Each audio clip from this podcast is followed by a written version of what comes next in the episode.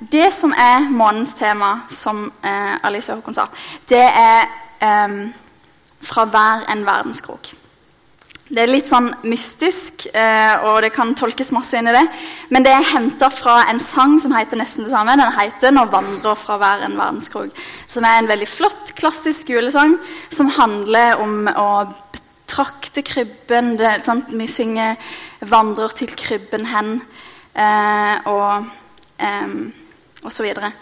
Og du har sikkert, eh, Kanskje noen av dere lest tittelen og bare sånn ok, hva er det vi skal snakke om denne lørdagen? Eh, men det er jo advent, og du har sikkert tenkt at ja, vi skal snakke om klassiske juleting.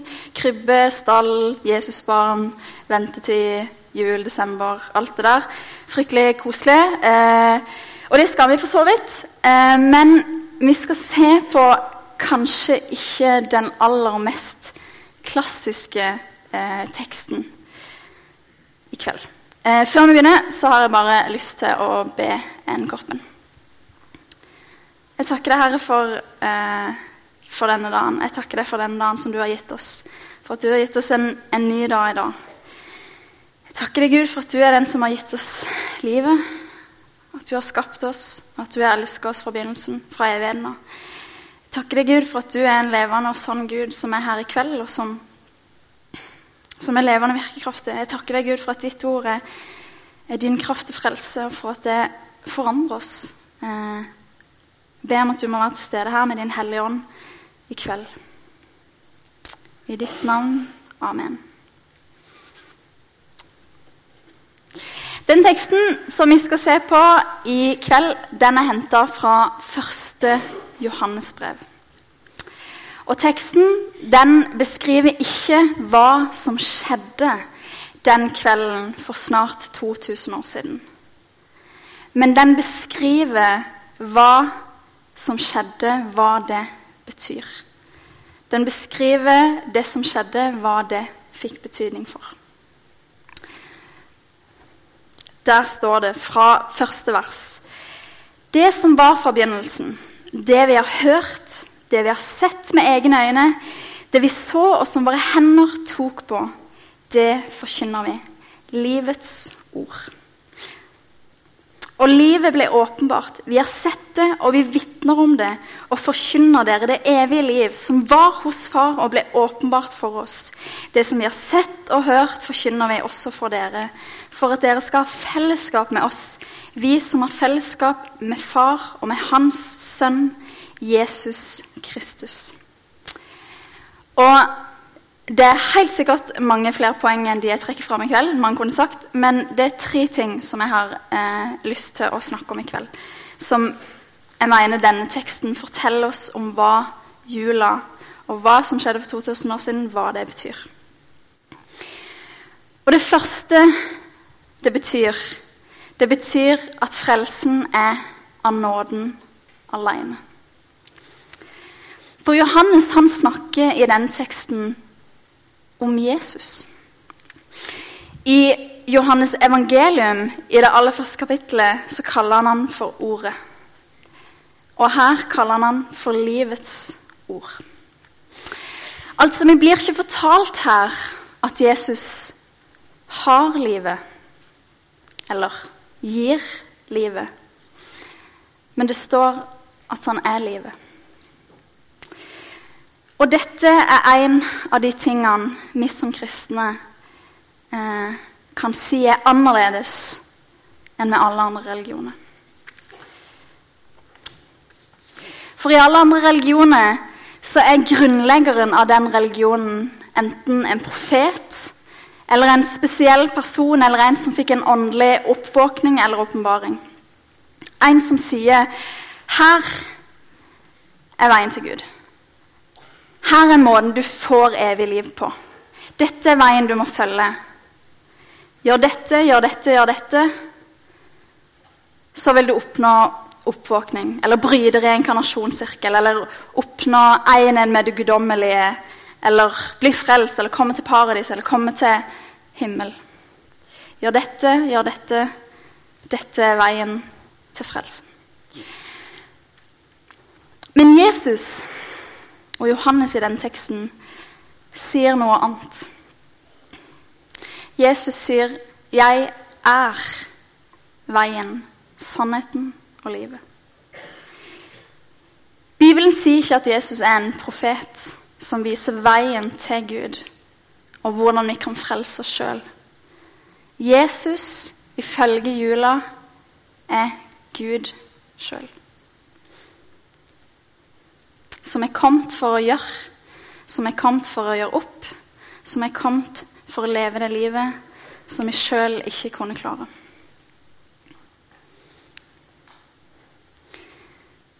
Og dette er det evige liv, at de kjenner det, den eneste sanne Gud, og Han du har sendt, Jesus Kristus.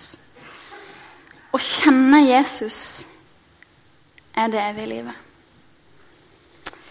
På tirsdag eh, så gjorde jeg noe spennende. Jeg eh, stilte meg opp i Oslos gate med to spørsmål for hånd. Eh, Lot som jeg var en intervjuer, og intervjuer tilfeldige folk på gata. Eh, det kan jeg anbefale enhver. Det var veldig gøy, egentlig. Eh, veldig mange har tydeligvis fryktelig travelt. Eh, den vanskeligste gruppa nå er middelaldrende norske kvinner. De har det tydeligvis alltid veldig travelt. Men jeg fikk tak i ti personer som svarte på disse to spørsmålene. som jeg hadde med meg. Og Det første spørsmålet de skulle svare på, det var Tror du på et liv, eller tror du på en himmel, paradis, at du kommer på en god plass etter at du dør? 50% svarte ja, i varierende grad. 50% svarte nei. Neste spørsmål var hvem eller hvordan kommer man i så fall dit? Og dette spørsmålet har jeg av og til stilt andre òg. Det kan ha vært folk hjemmefra der jeg kommer, familie. Og påfallende mange har svart at de tror at de kommer til en god plass etter at de dør. Um, men når det kom til det andre spørsmålet så svarte alle disse på gata ganske unisont Jeg tror det handler om å leve et godt liv. Jeg tror det handler om å være en god person. Noen var veldig tydelige og svarte du må ha flere gode enn dårlige gjerninger. Andre svarte litt mer vagt at de hadde en tanke om at de fleste mennesker var gode, så da tenkte de at, at alle kom der.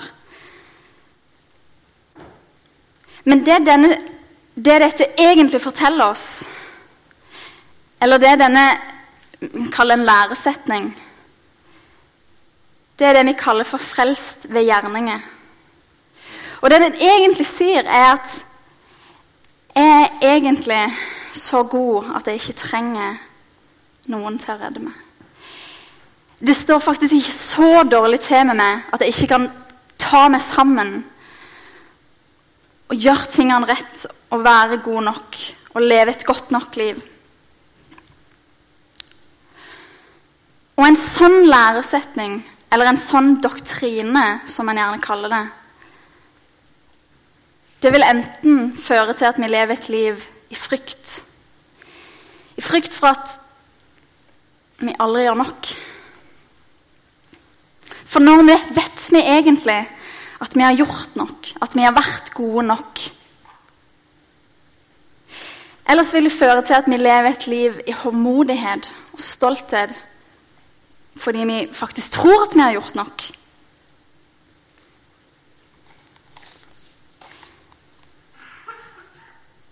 Eller det vil føre til at vi lever et liv som bare oppleves vanskelig og tyngende under det faktum at jeg vet jeg ikke har gjort nok.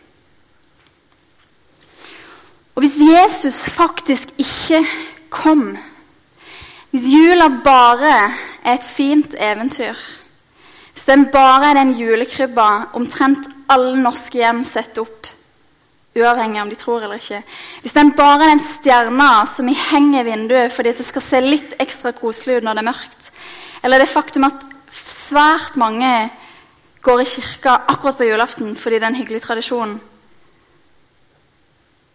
så ville denne doktrinen eller denne læresetninga vært sann. Hvis Jesus faktisk ikke kom, hvis jula bare er et fint eventyr, så ville det vært sant. Men det Johannes gjør her, det er at han forteller oss noe fullstendig annerledes. Det som var fra begynnelsen, det vi har hørt, og det vi har sett med våre egne øyne, det vi så som våre hender tok på, det forkynner vi. Og det er livets ord. Johannes forteller oss ikke bare at det er et fint eventyr. Nei, jeg hørte det. Jeg så det. Jeg tok på det med mine egne hender. Han var virkelig Gud. Han døde virkelig. Han sto virkelig opp igjen. Han er virkelig Gud i egen person.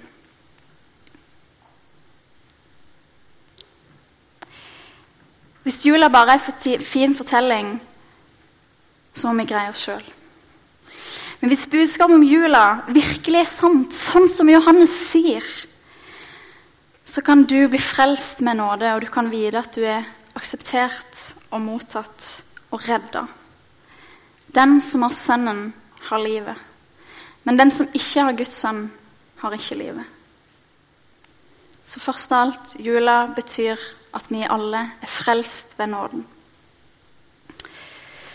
Det neste er at jula betyr at vi kan ha fellesskap med Gud. Og her trenger vi litt bakgrunnsinformasjon. Eh, da skal vi gå til Esekels bok i Det gamle testamentet. Det er en bok som eh, nok er fremmed for mange. Eh, mange. Men Esekels bok, der møter vi mange syner. Esekel han får se mange syner og blir vist ting om som vil skje i framtida. Og Esekel han levde på eh, slutten av 500-tallet før Kristus. Dette er ei tid rett før Jerusalem og tempelet faller. Og tempelet, det var Guds bolig blant israelittene. Det var Guds nærvær og tilstedeværelse hos sitt folk. Og inne i dette tempelet så var det et rom helt innerst som kalles for det aller helligste. Og over her hvilte Herrens nærvær. Og Før dette tempelet igjen så kan vi lese om tabernaklet, som var dette teltet som de dro med seg rundt i ørkenen. Eh, og Der står det òg at Herren, Gud, leder de, leder israelsfolket i ørkenen med ei søyle, en, altså en sky som en søyle om dagen og en ildsøyle om natta. Og når denne ildsøylen, eller skysøylen, stansa, så slo folket leir. Og så hvilte den Herrens nærvær over tabernaklet. Men så leser vi at inni dette aller helligste, der Herrens nærvær hvilte, der fikk ikke folket komme inn. Etter syndefallet så var det sånn Ja, det kunne sett sånn ut. Glemte å bytte. Etter syndefallet så var det sånn at mennesket ikke uten videre kunne ha med Gud å gjøre. Og dette er på grunn av noe profeten Jesaja skriver. Han skriver det. Nei, det er skylden som skiller dere fra deres Gud. Synden deres, deres skjuler ansiktet, så han ikke hører dere. Men for at en relasjon mellom menneske og Gud allikevel skulle være mulig, um, så måtte det gjøres opp for den synden. Og vi leser at det foregikk ofringer. Ofringer av dyr. Og det var Um, og disse ofringene foregikk hele tida. Men én gang i året skulle det gjøres opp for synd for hele folket. Og da skulle øverstepresten, den øverste religiøse lederen, kunne gå inn i dette aller helligste, der Herrens nærvær var. Den ene gangen i året kunne han gjøre det. Og det er det vi kjenner som den store forsoningsdagen. Og Der skulle han gå inn og ta med seg blod fra en bukk, og så skulle han sprute det på alteret og gjøre opp for folkets og sin egen synd. Men på Esekels tid så møter vi et folk som ikke er interessert i å ha med Gud å gjøre. Vi møter et folk som har vendt seg vekk fra Gud. Vi vil leve vårt eget liv. Vi vil gjøre som vi sjøl vil. Vi vil tilbe de gudene vi sjøl velger. Et folk som lever i opprør mot Gud. Og folk som skyver den hellige Gud vekk fra seg. Og straffen blir at Gud forlater tempelet. Gud forlater tempelet fordi folket har forlatt Gud. Det er som om Gud sier, 'Dere vil ikke ha med meg å gjøre.' Nå skal dere få det som dere vil.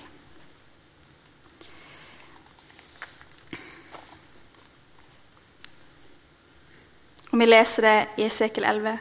Nå steg Herrens herlighet opp fra byen og stanset på fjellet som ligger øst for den. Byen blir inntatt av babylonere. Byen blir knust. Tempelet blir jevna med jorda. Og mesteparten av folket blir ført i eksil i Babylon. Men Esekels bok slutter ikke med dette. På slutten så løfter boka blikket og peker fram mot et nytt løfte. En ny tid der Guds bolig på nytt skal være blant folket. Jeg slutter en fredspakt med dem. Det skal være en evig pakt. Jeg lar dem bli mange, og jeg setter min helligdom hos dem for alltid. Min bolig skal være hos dem, og jeg skal være deres Gud, og de skal være mitt folk. Årene går, israelittene vender tilbake fra eksilet. Et tempel blir gjenreist, men dette nye tempelet klarer aldri å måle seg med den gamle tempelets herlighet. Generasjon etter generasjon dør. Generasjon etter generasjon lever, og dette løftet ser ikke ut til å bli oppfylt. Men så blar vi om til Det nye testamentet. Til Johannes sitt juleevangelium. Sånn som han beskriver det som skjedde i Betlehem for nesten 2000 år siden. Og han forteller det, hvordan Jesus sin fødsel blir starten på denne profetien, på oppfyllelsen av denne profetien. Og ordet ble menneske og tok bolig blant oss, og vi så hans herlighet. En herlighet som den enbårne sønn har fra sin far, full av nåde og sannhet. Og vi kunne oversatt det med 'slo opp sitt telt. Johannes trekker linjene tilbake til Det gamle testamentet. Gud er nå nærværende i verden i Jesus Kristus.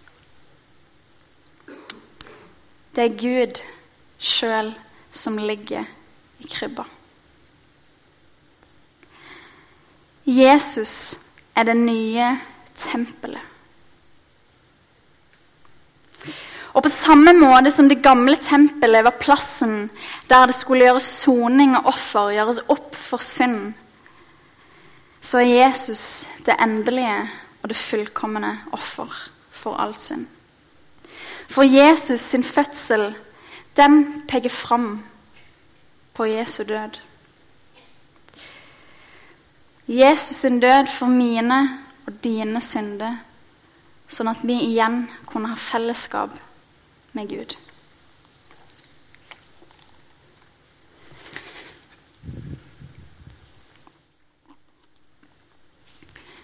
Og når Bibelen avsluttes,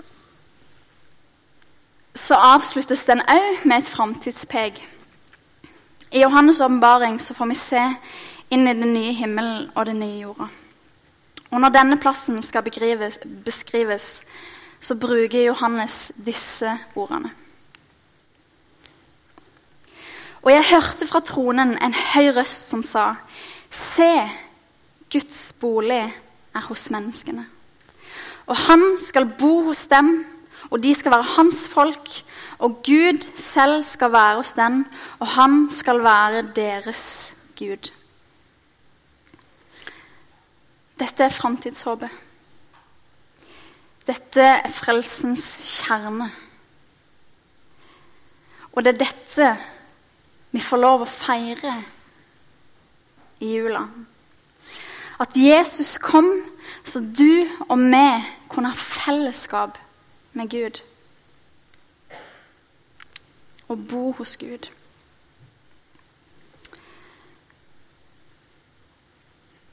Og i juleevangeliet til, til Johannes så snakker han òg om um, Om dette, det som vi kaller for inkarnasjonen, at Gud ble menneske. Der står det um, og livet ble åpenbart. Vi har sett det, og vi vitner om det og forkynner dere det, det evige liv, som var hos Far og ble åpenbart for oss det som våre hender tok på. Jula forteller oss at Gud har gjort ufattelige ting. Han har sprengt alle grenser for å komme nær oss. Dette profetioppfyllelsen, denne løftesoppfyllelsen, sprengte fullstendig rammene for det tempelet de hadde sett for seg Gud ble menneske. Et virkelig fysisk menneske. Og vi får ha fellesskap med Gud. Dette forteller jula oss. Og Den siste tingen jula forteller oss, det er det at kjærlighet virkelig betyr noe. At kjærlighet virkelig er ekte.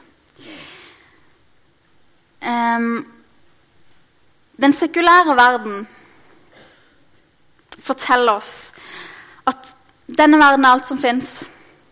Det er ingenting annet enn fysisk materie. Det er ingen sjel, det er ingen ånd. Det er bare det fysiske.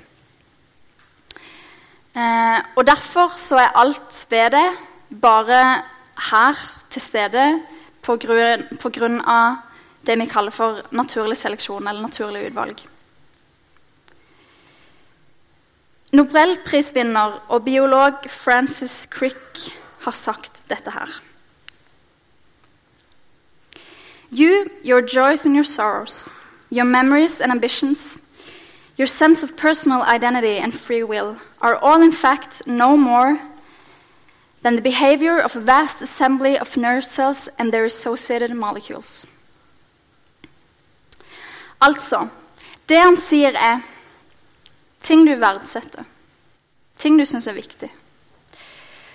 Som når du sier vi må tro på kjærligheten, vi må velge kjærligheten, vi må velge godhet. Mennesket er viktige. Mennesket betyr noe. Det han egentlig sier, er at dette er bare kjemiske prosesser i hjernen din. Og Hele årsaken til at du har disse tankene, er fordi at forfedrene dine hadde disse tankene. Og Det gjorde de i stand til å reprodusere seg og det gjorde de i stand til å overleve kontra de som ikke hadde disse tankene. En som heter Daniel Joakim Kleiven, som er litt sånn eh, hobbyfilosof, hobbyapologetiker. Han har en blogg som heter danieljoakim.org. Den kan han sjekke ut.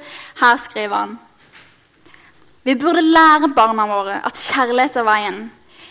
Men ikke egentlig. Siden kjærlighet utelukkende er hva vi kaller de opplevelsene vi kjenner på når visse kjemikalier utskilles i kroppen vår, som igjen er et resultat av at vi er utviklet til å skaffe oss smaker, holde fast ved dem og samle en gruppe av noen beskyttende mennesker rundt oss og spre genene våre. Folk sier mennesket er viktig'. Kjærlighet betyr noe. Godhet betyr noe.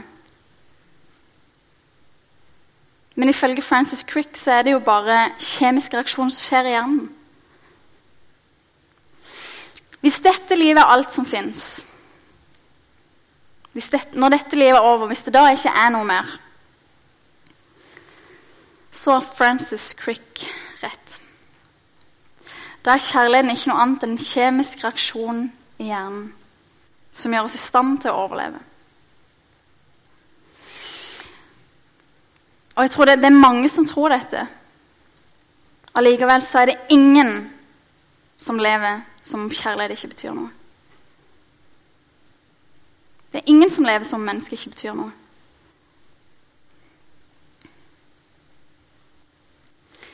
Men det fins en annen måte å se det på. Jula forteller deg at kjærlighet ikke bare er en kjemisk reaksjon i hjernen din. Men at kjærlighet var forut for verden. At kjærligheten eksisterte før verden. At kjærligheten skapte verden, og at kjærligheten er kommet for å frelse verden.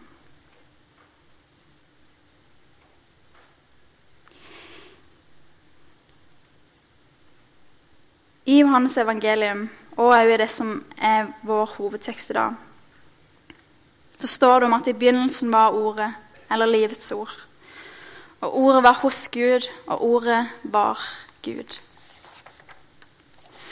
Og Hvis vi leser videre i 1. Johannes brev, så står det i kapittel 4 den, den som ikke elsker, har aldri kjent Gud, for Gud er kjærlighet. Og Ved dette ble Guds kjærlighet åpenbart blant oss, at Gud sendte sin enbårne sønn til verden for at vi skulle leve ved ham. Det betyr at kjærligheten eksisterte før vi eksisterte. Før denne verden eksisterte. Og verden kom fra Gud, som allerede var kjærlighet. Og kjærligheten forløser verden den er kommet for å frelse verden, og den er kommet for å redde verden. Men hvorfor kom Gud til jorda? Hvorfor ble han, som vi veldig ofte sier, som en sånn At han ble født i en stall, en kjip plass. At han rei på et esel når han skulle inn i Jerusalem, og ikke en høy hest. At han tjente mennesket istedenfor å la seg tjene. At han ga avkall på sitt eget og tok på seg menneskeskikkelse, sånn som det står i Filippa-brevet. I april 1961 Juri Gagarin, den første russiske kosmonauten, kretsa i bane rundt jorda. Og han som var leder av Sovjetunionen på dette tidspunktet, heter Nikita Khrusjtsjov. Og han erklærte at ateismen skulle være offisiell statsreligion eller statsverdensbilde. Og han sa det at nå, nå har vi mer bevis enn noen gang. Vi sendte en mann ut i rommet, og det var ingen gud der. Dette er en propagandaplakat fra den tida. Det er en kosmonaut. Der står det 'Det er ingen Gud'. Og under ser dere eh, religiøse bygg som liksom faller ned.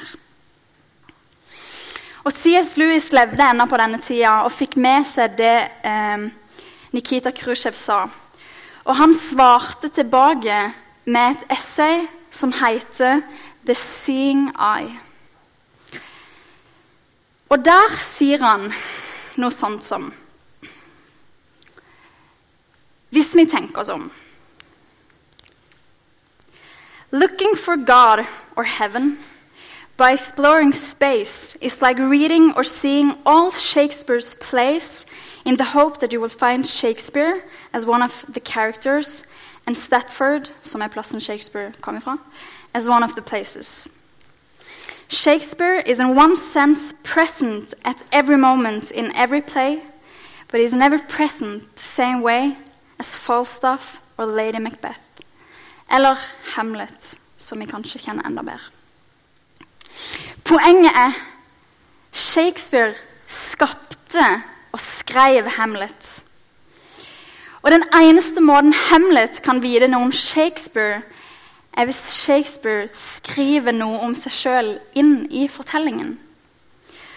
Altså skapningen, som her er Hamlet, kan bare vite noe om skaperen Shakespeare hvis han avslørte noe om seg sjøl, eller skrev noe informasjon om seg sjøl inn i stykket.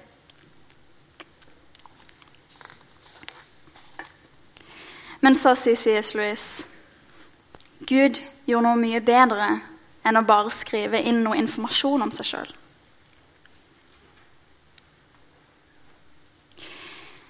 Dorothy Lay Sayers eh, var en forfatter som levde på eh, slutten av 1800-tallet, 1900-tallet. Hun var en av de aller første kvinnene som utdanna seg med universitetet i Oxford. Hun var en forfatter. Hun skrev eh, krim- og detektivromaner.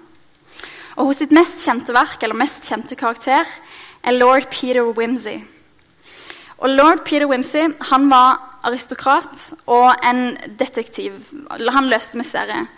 Han var enslig eh, eh, hele livet sitt. Eh, eller gjennom disse fortellingene. Og han, gjennom flere noveller så, så løser han krimgåter. Plutselig så dukker en kvinne opp i disse novellene. Hun er en av de første kvinnene som har utdanna seg ved universitetet i Oxford. Hun er forfatter av detektiv- og krimromaner. Og Hun og Peter Wimsey de, eh, møtes, de løser noen mysterier. Og så forelsker de seg og lever lykkelig alle sine dager. Og mange har sagt at Dorothy så inn i fortellingen hun hadde lagd, og så på den mannen hun hadde skapt, og forelska seg i han, og skrev seg sjøl inn i fortellingen. Fordi hun så at han var ensom, og at han trengte noen til å redde ham.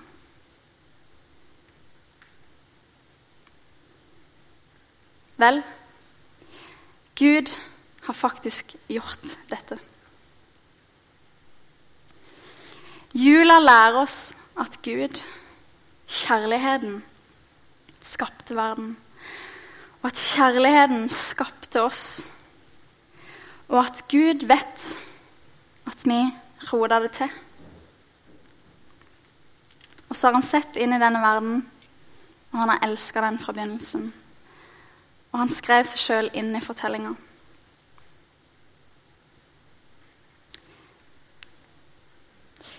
Kirkefader Atanasius har sagt dette her om mennesket. En gang var deres natur å ikke eksistere. Og det var bare fordi ordet, Jesus, i sin kjærlighet hadde grepet inn at de eide livet. Gud har skapt deg. Han har kommet for å frelse deg. Gud ble menneske,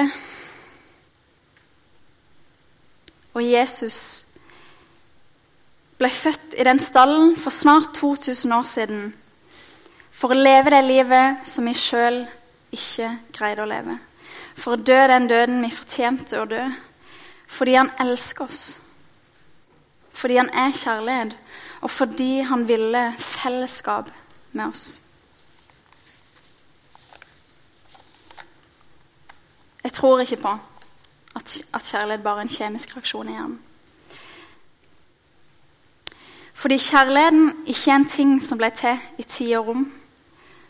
Den har eksistert fra evigheten av, og den er kommet inn i verden for å redde oss ved Jesus Kristus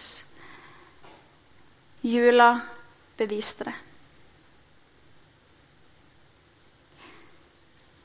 Vi skal be til slutt.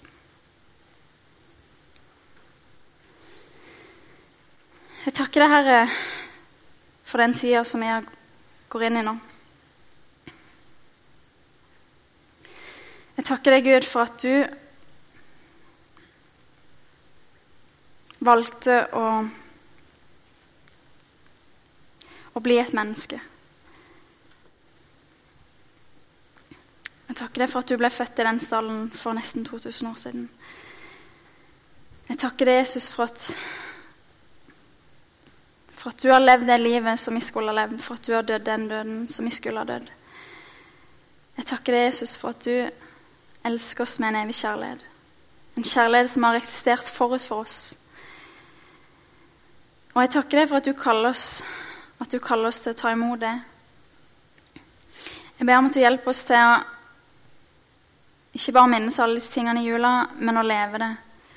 Og hjelpe oss til å minnes det for andres skyld. At vi kan vise andre mennesker hvem du er, Jesus. Og så ber jeg om at du hjelper oss til å ikke bare sette ekstra fokus på det akkurat i adventstida, men å vite at hele livet vårt er en advent fram mot din andre komme, Jesus for at vi hele livet skal leve med blikket festa på deg, Jesus, i et fellesskap med deg, Gud. Jeg takker deg for at du redda oss og frelste oss, så vi kan ha fellesskap med deg. Jeg ber om at du hjelper oss i vår hjelpeløshet. Jeg ber om at du hjelper oss til å,